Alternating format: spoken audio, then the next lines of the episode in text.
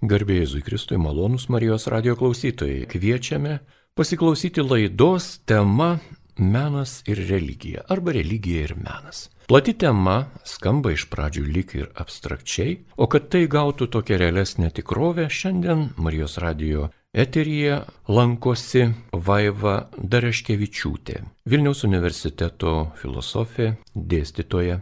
Ir ją kalbina Liutauras Serapinas ir kalbame apie temą, kuri galbūt ir yra įprasta, bet turime pasakyti, ji yra jau reta. Ir ne vien reta pokalbiuose mūsų namuose prie arbatos podelio ar sėdint kažkur kėdėje ar ant solelio, kai laksto aplinkui anukai ir vaikai, bet net ir pokalbiuose tų institucijų, kurios lik ir lemia religijos ir meno susikirtimo aktualumą arba susitikimo aktualumą.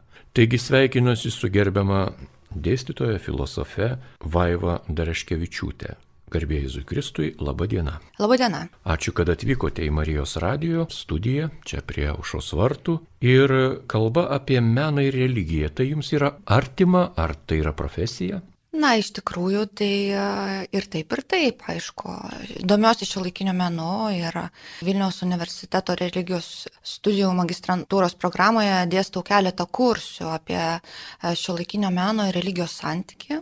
Tai, na, Taip pat ir įvairiuose moksliniuose projektuose sudirbusi nagrinėdama šitą temą ir šiuo metu taip pat irgi viename tokiame projekte dirbu. Taigi tai ir profesiškai yra artima tema, kaip tyrimo sritis, o kita vertus ir šiaip nebejotinai aš manyčiau, kad šio laikinis meno tapatybėje genetiškai iš principo yra užkoduota na, religijos tas toksai grūdas. Na, manau, mes dar paliesime išsameu šitą tikrai, tikrai. aspektą. Taigi menas ir religija visada ėjo drauge. Kodėl dauguma meno siužetų religinėmis temomis ir yra? Na, jei pažiūrėsime į vakarų kultūros istoriją, tai, na, tai iš tiesų teks taip ir sakyti, kad religija ir menas daugybę amžių ėjo kartu Ir dar daugiau, nei galima būtų sakyti, kad vakarų kultūriniai tapatybei yra šita sąsaja religijos ir meno užkoduota ir jinai formavo iš principo tos pačios tapatybės, na, tapatybę kaip, kaip tokią, kokią mes ją šiandieną turime. Kita vertus, na, čia dar svarbu paminėti ir tai, kad čia kalbama apie abipusį ryšį, dėl to, kad, e, kaip jūs ir minėjote, klasikinio, jeigu tai pažiūrėsime įvairiose istorinėse epochose, istorinėse epochose meno kūrinių tas pagrindas neretai buvo religiniai siužetai. Kita vertus, taip pat ir religijai šita simbiozė buvo svarbi dėl to, kad įvairūs menai, tiek performatyvūs, tiek reprezentaciniai, padėdavo skelbti religinės tiesas. Ir ilgus amžius šita situacija, na, taip ir klostėsi.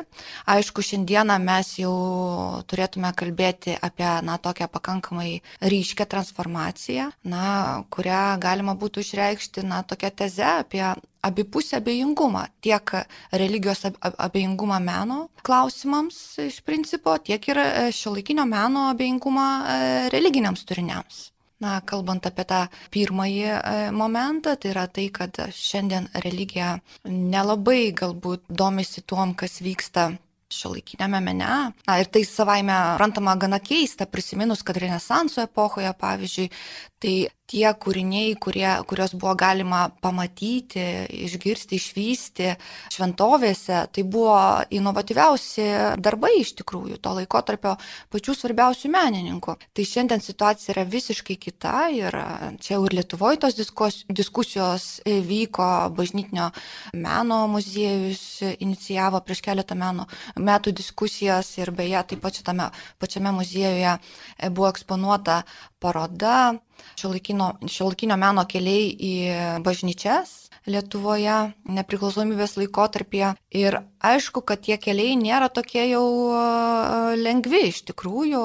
Na, ko gero galėtų būti, čia galima būtų prisiminti tokį atvejį, pakankamai plačiai nuskambėjusi kultūrinėje bendruomenėje, kai e, palaimintojo Jurgio Matulaičio bažnyčioje prieš keliolika metų ten įvyko tokia istorija, kai tikintieji išnešė tiesiog iš bažnyčios menininkės Ksenijos Erašvaitės sukurtą švenčiausios mergelės Marijos skulptūrą. Kuri buvo užsakyta kunigo specialiai tai šventoviai. Na, tikintieji argumentavo, kad prieš šitą darbą, prieš šitą mergelės vaizdinį Marijos jie negali melstis e, tiesiog. Na, aišku, čia be abejo turim tokią situaciją, kad bent jau Lietuvoje tas menas, kuris patenka šiandieną į bažnyčias, yra toks labai konservatyvus, iš tikrųjų jį vargiai galėtume priskirti šio laikinio meno kategorijai. Na, ir kita vertus, kaip ir minėjau, yra ir, ir ta situacija, kad ir šiuolaikinis menas iš kitos pusės, na, tarsi iš pirmo žvilgsnio mažai domisi religijos problema. Jūsų pateikti pavyzdžiai tiesiog, na, yra, na, chrestomatiniai. Pridėčiau dar irgi tokį unikalų, labai unikalų įvykį bažnytinėme tame kontekste. Tai vienoje rytų Lietuvos parapijų bažnyčių, kurie yra pastatyta jau jau tais naujaisiais laikais, sakykime, tai ne, ne gotika, ne romantizmas, ne klasicizmas, pastatyta gerokai vėliau ir jos autorius architektas yra Richardas Krištopavičius. Ten buvo numatyta, jog centrinėme altorijoje bus Stanislovo Kuzmos skulptūra Žinoma, jį dėl lėšų trūkumo, dėl dar kažko galbūt negalėjo tuo metu atsirasti, bet dabar yra kita jau aplinka ir kita erdvė ir kitokie resursai. Ir šis architektas, kuris beje yra pastatęs aštuonias, realizavęs savo aštuonis architektūrinius projektus, yra jo aštuonios bažnyčios pastatytos Lietuvoje. Aštuntoji yra paskutinė kartu su jo sunumi pastatyta Guronių kaime. Ir jis atėjo į kuriją e, spręsti klausimų, ką reikėtų daryti, nes projektas neišbaigtas. Nepadėta skulptūra Stanislovo Kuzmos, kuri yra atlikta, padaryta, nepadėta į bažnyčią, jį nukreipė pas sekretorių ir sekretorius, nežinodamas, koks tai yra žmogus, jį paprašė tiesiog išeiti iš kurijos. Kalba yra apie tai, kad, na, abejingi esame. Kaip abejingi? Tai nėra kaltė, kad sekretorius ten, kurijoje sėdintis kunigas, jaunas vyrukas e, nežino bažnyčių autorių, taip, nepažįsta asmeniškai, nežino veido. Galbūt galima iškelti ir kitus klausimus, bet tai yra tikrai be galo įdomu. Ir tokiu atveju yra sprendžiamas klausimas kitaip. Yra nuvažiuojama į Lenkiją, nuperkamas plasmasinė, standartinė, atkopijuota kažkokia tai e, statula, jinai yra pakankamai gera, jeigu ją taip žiūrėti kaip į daiktą. Bet jeigu žiūrėti kultūriškai, tai yra visiškas nihilizmas. Tai yra, reiškia, tai, ką mes turime, nesugebame net ir įsivertinti. Ir nesugebame net suprasti. Pavyzdžių tokių galima būtų labai daug pateikti. Galėčiau paminėti, pavyzdžiui, Klaipėdoje dirbantį kunigą kleboną Rolandą Karpavičių, kuris turėjo nueiti galgotos kelius, kad galėtų į centrinį altorių to pačio architekto, Ričardo Krištopavičiaus bažnyčioje, įdėti ten skirtą vitražą kuris šiuo metu yra didžiausias pasididžiavimas miesto kultūrinėme gyvenime. Bet kad tai atlikti, klebonas turėjo praeiti galgotos kelius. Dantės pragaro ratai nublanksta prieš to vargšo kunigo administracinį darbą. Įdomus pavyzdžiai ir man labai malonu pristatyti, kad šiandien apie religiją ir meną sutiko papasakoti Vilniaus universiteto filosofė dėstytoja Vaiva Daraškevičiūtė. Ja kalbina Liutauras Serapinas. Kalbame apie tai, Menas ir religija, ar dar realiai yra aktualu? Kaip šio laikinis menas perteikia religinę patirtį? Gal šio laikinės meno raiškos formos ne visiems yra suprantamos, apie ką ir kalbame? Tai taip, jau ir čia tie minėti pavyzdžiai, ir, ir kuriuos aš čia prisiminiau, ir kuriuos jūs paminėjote, tai labai puikiai iliustruoja tą situaciją, na, iš, iš religijos pusės, ne, kad, kad veikiau, na, renkamasi kokią nors, na, gipsinę švenčiausios mergelės Marijos kopiją pastatyti bažnyčią, negu kad autorinį e, meno darbą. Na, kita vertus, aišku, kad e, iš šio laikinio meno pusės, tai irgi, e, na, tas santykis toksai su religija yra itin komplikuotas ir čia galima būtų, na, išskirti irgi tokių keletą galbūt alternatyvių prieigų. Na, viena vertus galėtume sakyti, kad šio laikinis menas yra absoliučiai sekuliarus ir visiškai nepatenka į jo dėmesio lauką e, religijos problema. Tokią poziciją galėtų atstovauti amerikiečių e, meno teoretikas Jamesas Elkinsas, kuris 2004 metais publikavo knygą tokiu labai iškalbingu pavadinimu Keista religijos vieta šio laikinėme mene. Taigi, Elkinsas jisai teigia, kad jisai kalba iš jau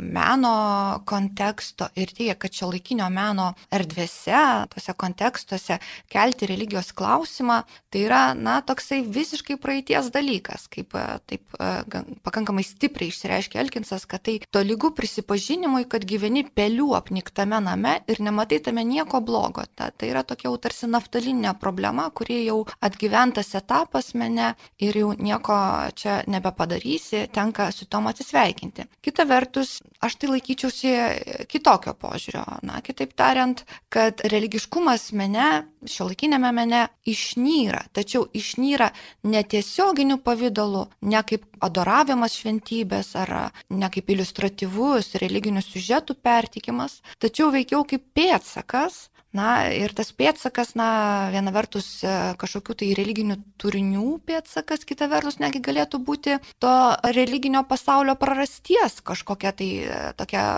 jausena, būsena, e, na, tos to, tokie išgyvenimai, sekularizacijos refleksija. Na, ir tokio pobūdžio kūriniai taip pat savitų būdų perteikia religiškumą, Na ir manyčiau, kad tai irgi yra labai įdomu ir labai aktualu, nes juk tiesą sakant, jeigu tai pažiūrėsime, apskritai šio laikinio žmogaus santykis su religija nėra jau toks labai paprastas.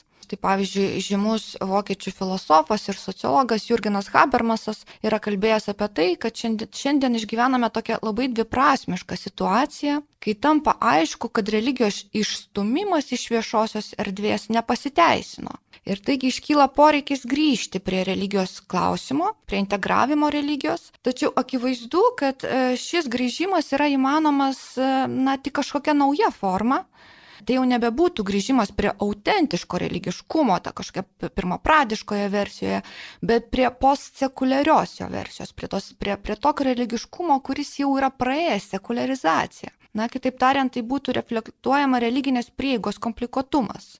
Na ir būtent aš manyčiau, tokią, tokį postsekuliarų religiškumą mes galime išvelgti ir šio laikinėme mene, kur, kaip jau ir minėjau, tas religiškumas pasirodo tokia negrina, šmėkliška, jeigu norime netgi neretai profanišką, dekonstruotą formą, kaip atsakas į tokią dezorientacijos situaciją, kuri ir susikūrė kaip tik dėl to, kad sekuliarus diskursas nebepajėgia priepti visų žmogiškosios egzistencijos aspektų.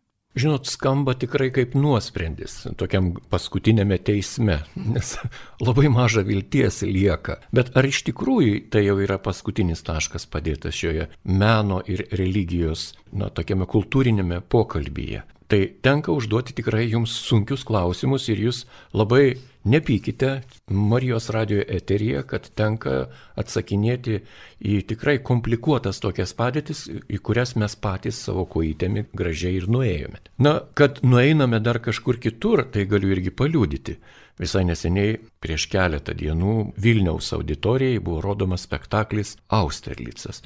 Mane labai nustebino, tikrai žiūrovų buvo nedaug, žmonės atpratę dėl tam tikrų tų vadinamųjų lygų ir ko kito, bet pastebėjau, kad šį spektaklį žiūrėjo dviejų vienuolynų vyresnieji kunigai, iš kitos viskupijos buvo kunigas atvykęs žiūrovas, Mažiausiai pastebėjau tris Marijos radio laidų vedėjus. Tai toje auditorijoje, galime pasakyti, meno vartotojų auditorijoje vis tik randame tikinti žmogų. Žmogų, kuris turi tikėjimą. Žmogų, kuris turi ne tik tikėjimą paukšteliais, undinėmis ar kuo kitu, bet turi krikščionišką tikėjimą. Tiki atpirkėjų, Jėzumi Kristumi. Ir tęsiant laidą, Mėly radio klausytojai, primenu, jog šiandien apie religiją ir meną jums pasakoja Vaiva Daraškevičiūtė ir tęsiant laidą noriu užduoti klausimą. Gal menas naudojamas vien atvaizduoti tą religinę patirtį, te gali ją netobulai perteikti, gal čia yra problema?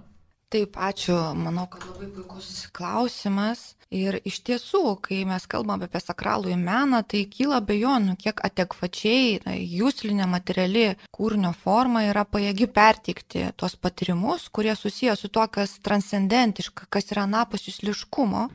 Kita vertus, pačioje krikščionybės sampratoje yra implikuotas šitas paradoksas. Tai yra žmoguje įsikūnijusio Dievo paradoksas kalbant apie monoteistinės e, religijas, vien tik krikščionybė pripažįsta Dievo atvaizdą.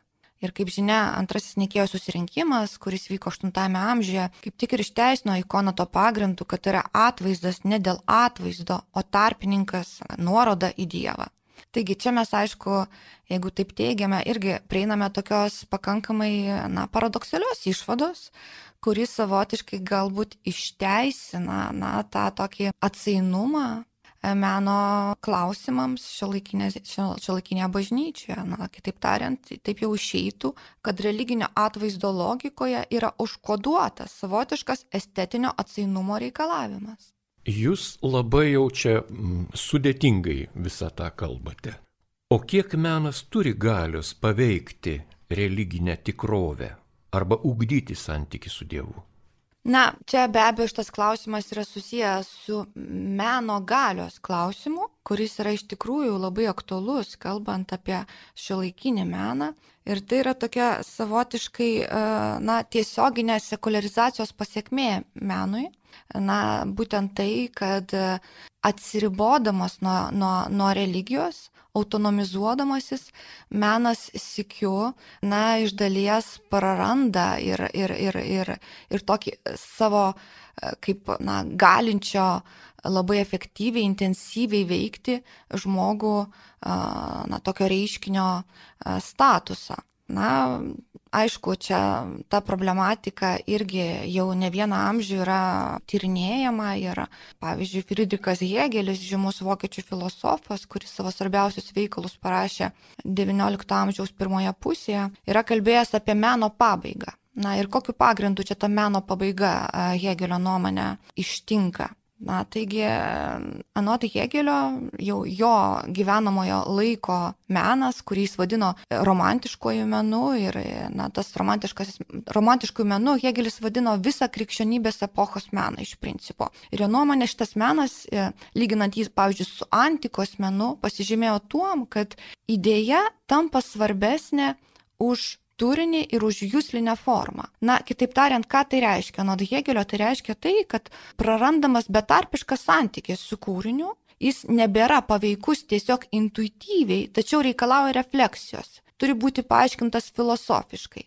Na, jeigu anot Hegelio ankstesnių epochų žmogus, jisai pamatęs meno kūrinį, jį priimdavo kaip tikrovę, na, iš, iš karto tarsi patikėdavo juom, tai jau tas modernusis žmogus, jisai, jisai, jisai į tai žiūri kaip į tokią savotišką fikciją. Kaip sakė Hegelis, nors mums gali atrodyti puikus, na, tie nutapyti paveikslai, mes mato, kuriuose mes matome šventuosius, tačiau mes nebeklupsime priešais juos ant kelių. Kitaip tariant, mes nebetikime tuo, tuo, na, tuo atvaizdu tokiu, kaip, kaip, kaip pačia ta tikrovė. Ir šia prasme, tai lieka tik pripažinti, kad Hegelis buvo labai žvalgus ir iš tiesų šiandien patekę į šio laikinio meno galeriją mes jaučiamės kur kas patogiau, jeigu esame susipažinę su to kūrinio koncepcija. O jeigu ateinam be jokio iš ankstinio pasiruošimo, Tai, na, labai gali būti, kad e, mums bus labai sudėtinga priimti tos eksponuojamus kūrinius. Taigi čia tas yra toksai e, momentas, kaip jau ir sakiau, tiesioginė sekularizacijos pasiekmė meno kūriniui, kad jisai jau e, reikalauja kažkokio tai tokio kitokio, kitokios prieigos. Pateiksiu pavyzdį. Teko dalyvauti prieš daug metų Grace, tai Austrijos miestas, ekumeninėje asamblėjoje ir ten vietinis katalikas, profesorius, nusivedė mane į savo universitetą, tai yra katalikišką universitetą, parodyti koplyčios. Ir buvo labai nustebintas tos koplyčios architektūrinio sprendimo, bei žinoma ir to vadinamo vaizduojamojo meno sprendimo, kuris yra susijęs su altorinė dalimi.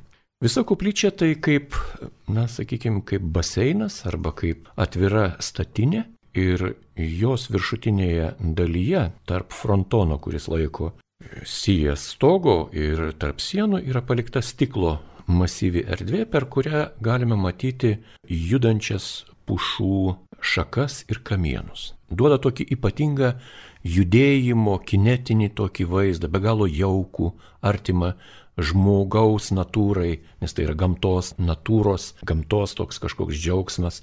O altorija surinkti visi pasaulio matematikai, kurie matematiniu principu bandė įrodyti Dievo buvimą. Ten radome taip pat ir Antano Baranausko matematinės formulės, kuriomis jisai bandė įrodyti Dievo buvimą. Ir altorius yra vien skaičiai ir vien formulės. Jokių kvarbatkėlių, jokių kopetėlių į dangų, jokių debesėlių su angeliukais gražiais užpakaliukais, jokių gėlyčių, jokių ten simboliukų, vien skaičiai, daugtaškiai, pliusai, skliausteliai ir ką kita.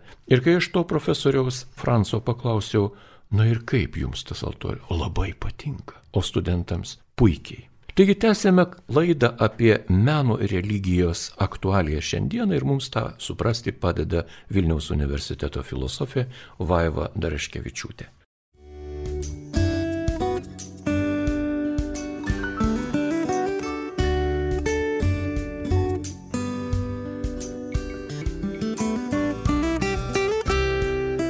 Palaiminto jums laiko su Marijos radiju.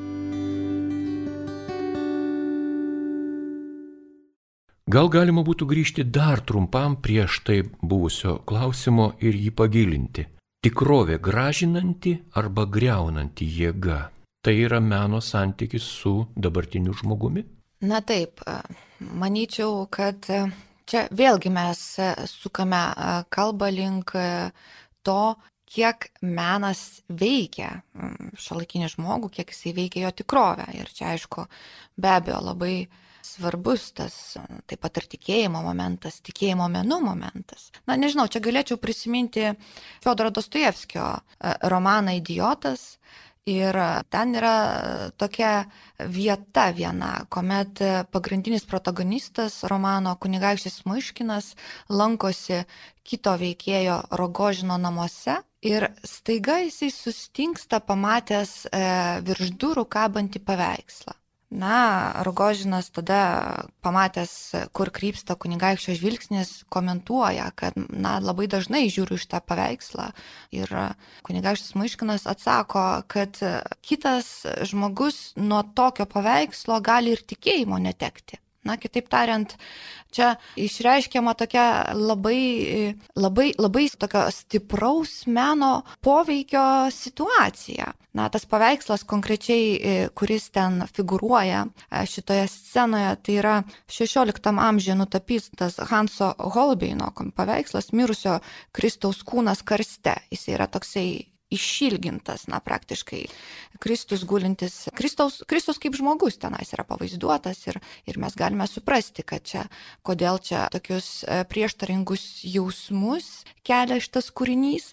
Kita vertus, e, matyt, kodėl aš čia prisiminiau šitą sceną, tai dėl to tokio stiprumo, kuris yra priskiriamas meno kūriniui. Tiesiog pasakius, nežinau, ar ar šiuolaikinis žmogus dar, dar yra tiek jautrus, kad jisai galėtų pasakyti, kad e, dėl kokio nors meno kūrinio jisai gali įtikėti arba prarasti tikėjimą. Na, štai kur klausimas. Čia aišku toksai atviras jisai ir, ir galima įvairiai interpretuoti, bet čia matyti irgi susijęs toksai su to tokiu jautrumo, atsiverimo e, kūriniui e, gebėjimu, gebėjimu, kurį taip pat reikia lavinti. Tai yra savybė, kuri turi būti lavinama iš tikrųjų. Taip, kalbant apie paveikumą, mes turim puikų pavyzdį Lietuvos meno erdvėje, tai tapytojas Sauka ir jo vienas iš tokių kūrinių, kur vaizduoja Jėzų Kristų su tais ordinais, tais medaliais, kurie yra prikalti, priklyjuoti prie jo sužeisto kraujuojančio kūno ir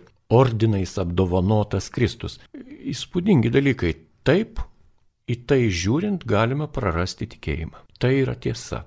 Bet lygiai taip pat, jeigu galima jį prarasti, galima jį ir atrasti. Filosofiškai tai yra visiškai normali išeiga, Na, gyvenime kartais pasitaiko taip, kad mes užpykstame ant filosofijos, ant visų filosofų ir ant visko, ir tada jau komplikacija apima visą ką, kas yra mūsų gyvenime, visus santykius, ir menas čia jau nepadės.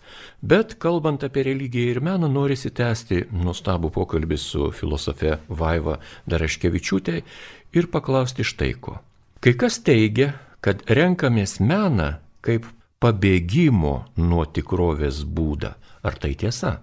Taip, šita idėja, kad menas, na, tai yra toks savotiškas pabėgimas nuo tikrovės, įvairiomis formomis vis naujai atsikartoja mūsų kultūroje, pradant nuo antikos, jau, jau Platonas jisai kalbėjo apie tai, kad meno kūriniai, jie, jie, jie tokiais kažkokiais tai neiškiais keliais veda ir dėl to reikėtų juos, na, cenzuruoti. Na, taip pat ir romantizme šita idėja buvo tokia pakankamai populiari, buvo įsivaizduojama, kad, kad menas gali iškelti kažkur tai iš, iš kasdienybės ligmens, kažkur tai kažkokį tai idealų galbūt pasaulį, kuris yra nuostabesnis negu tas, kuriame gyvename.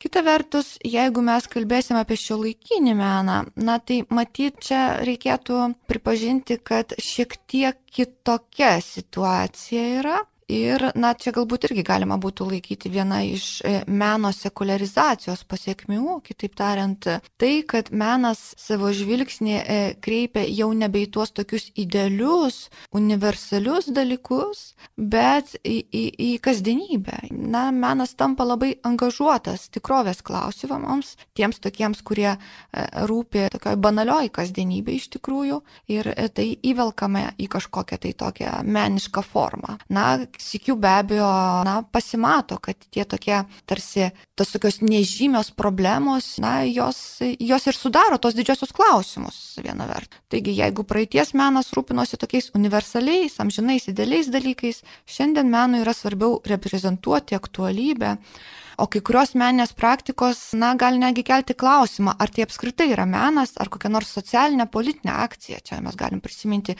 Piotro Pavlenskio aktyvizmą, e, kaip jisai pats vadina savo praktikas, arba šiek tiek subtilesnė forma išreiškia tai kiniečių menininkas Ai Weiwei. Ir daug kitų čia pavyzdžių, aišku, iš tai galima būtų klausti, kur, kur čia tada ta riba yra tarp, tarp, tarp to, kas yra menas ir, ir to, kas nėra menas. Labai sudėtingas klausimas. Bet klausimas yra teisingas. Jis e, toks yra. Ir jeigu mes bėgtume nuo šitų klausimų ir slėptumėmės už kažkokios tai savo dekoracijos sukurtos, tai kokia čia būtų ir religingumo praktika. Pasislėpti, suvaidinti, sukurti, susimuliuoti arba dar kažkaip tai padaryti, kad tau būtų, na, patogiau, paprasčiau, primtimiau ir, ir nekeltų problemų. Menas visada kėlė problemas. Ir Anksčiau menas atliko estetinio tokio pasigėrėjimo funkciją, o šiuolaikinis menas turi šią galbūt ir kitokią misiją. Kokias turi misijas šiuolaikinis menas? Na, čia matyti, taip reikėtų pripažinti, kad įvairiais laikotarpiais menas kėlė skirtingus uždavinius. Ir ta tokia idėja, kad menas turi provokuoti estetinį gerėjimą, ji buvo ypatingai paplitusi 18 amžiuje, kuomet ir susiformavo pati estetikos disciplina, Na, tačiau, aišku, čia irgi tokia pakankamai dviprasmiška situacija iš to seka. Dėl to, kad viena vertus priskyrus meną specifiniai estetikos ryčiai, menas įgauna autonomiją, taigi jis tampa nepriklausomas nuo gėrio ir tiesos reikalavimus, reikalavimų, na, skirtingai negu, kad, pavyzdžiui, antikos menas, na, kuomet grožio, gėrio ir tiesos, tos savokos, jos tarsi sudarė tokią trijybę nedalomą. Tuo tarpu jau tas įgavęs autonomiją menas, principo, tai atveria kelius tokiai doktrinai, kurią žinome kaip menas menui principą. Ir iš to irgi, aišku, seka tokios įvairialypės pasiekmes, nes viena vertus tarsi e, menas jisai nebepavaldus jokiam cenzuravimui, nei, nei moralės, nei tiesos požiūrių. Na, o kita vertus, e, na, bent jau 20-ame amžiuje meno autonomijos idėja buvo labai stipriai kritikuojama įvairių filosofių, filosofų, kurie teigia, kad išstumant meną į autonomiją, jis praranda savo ontologinę, būtiškąją reikšmę ir tampa egzistenciškai nebebūtinas, na, dekoratyvus toksai ir žmogaus gyvenime nebeturintis tokios kažkokios esminės paskirties, taigi savotiškai pati meno vieta žmogaus gyvenime labai stipriai sumenksta, jisai tarsi tampa tokiu marginaliu iš principo principo dalyku. Ir galbūt irgi tai yra susiję su daug kitų klausimų, kuriuos čia šiandien liečiame, apie tai, kad e, mūsų tas kultūros e, laukas e, na, galėtų būti toks turtingesnis ir intensyvesnis. Labai smagu buvo klausytis jūsų tam tikrų tokių labai, labai švelniai paliestų tiesiog pragariškų temų. Jūs sugebėjote taip gražiai pristatyti tokias, na sakykime, meno tendencijas, kurios, jeigu mes įvardytume pavyzdžiai šioje radio laidoje, būtų skandalas. Tikrai. Tie pavyzdžiai mums yra žinomi. Mes dėl tam tikro taikos arba ramybės išsaugojimo nepateiksime šioje laidoje pavyzdžių, apsiribosime vien, jeigu kam bus įdomu, galėsite paguglinti, susirasite ir viską suprasite, apie ką eina kalba.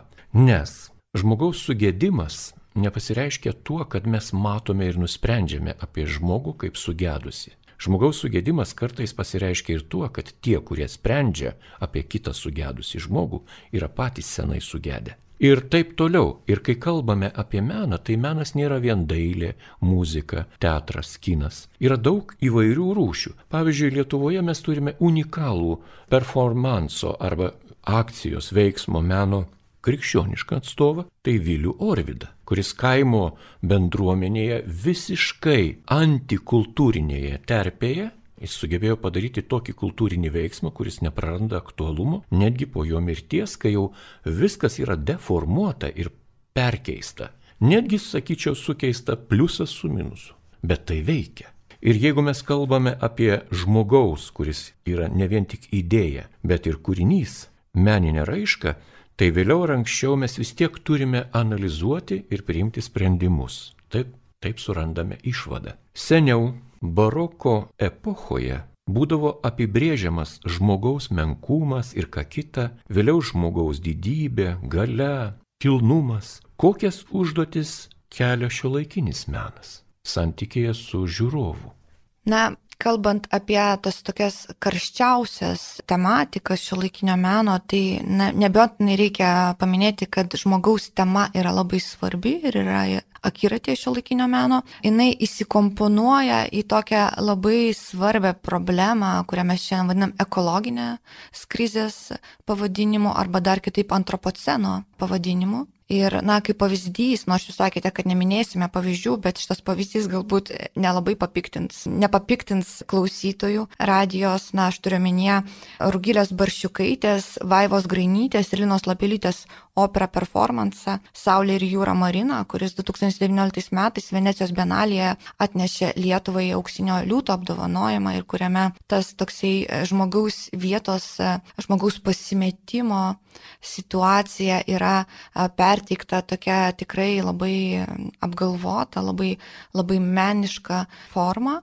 Ir, na, iš dalies tai galėtų iliustruoti šitą tendenciją, kad pastaruoju metu esama labai nemažai šilkinėme mene bandymų reflektuoti galimus ateities scenarius tiek optimistinė, tiek pesimistinė kryptimis. Ir, na, bet kuriuo atveju šiais klausimais angažuotas menas siekia išjudinti modernybės epochoje tokį susiformavusi antropocentrinį pasaulio vaizdą, kuomet žmogus yra pasaulio valdovas, tvarkytojas ir viskas paklūsta jo kontroliai. Taigi šiuose projektuose, šios projektus galime vadinti tokiamis savotiškomis žmogaus išcentravimo praktikomis, na, kai žmogus, na, tarsi yra priverstas atsigręžti į kitas gyvas būtybės ir į aplinką, kurio, kurioje jis gyvena ir, ir na, kažkaip tai permastyti savo vietą šioje žemėje. Ir laidos pabaigai. Ar šio laikinis menas vis dar gali būti tokia galinga jėga, kuri trauktų, kreiptų, o ne vien šokiruotų? Na, pabandysiu taip lakoniškai atsakyti. Iš tikrųjų, nepaisant visko, ką čia šiandieną kalbėjome, manyčiau, kad e, menas šiandien yra nebejotinai galinga jėga, tačiau šis jo bruožas nekonfrontuoja su tuo, kad menės praktikos atsisako atsiriboti tiesiog tokio harmoningo, dailaus tikrovės vaizdo perteikimo, tačiau priešingai jomis neretai siekiama šokiruoti, permastyti savaime suprantamybės, nusistovėjusias tiesas, taip pat ir akivaizdžius atsakymus į religinius klausimus. Na, kitaip tariant, vis, visos šitos problemos yra na, permastomos, išgrininamos, aktualizuojamos kažkaip na, naujai. Ir manau, kad norėdamas išlikti aktualus, menas neturi būti gražus siauraja estetinė šio žodžio prasme. Nieko kito šioje vietoje nerandu savo mintyse, tik tais Ruso posakį, kad natūralus žmogus net nežino, kad įmanoma viskas. Bet galbūt tai nėra baigtinis pokalbis apie meną ir religiją Marijos radio eteryje. Galbūt ši diskusija tęsis su kitais veidais, su kitomis patirtimis, o šį kartą labai nuoširdžiai dėkoju Vilniaus universiteto filosofijai, dėstytojai Vaivai Darškevičiūtei už trumpą ekskursą į dabartį - menas ir religija. Taigi šioje laidoje dalyvavo Vaida Daraškevičiūtė, ją kalbino Liutauras Serapinas, likite su Marijos radiju.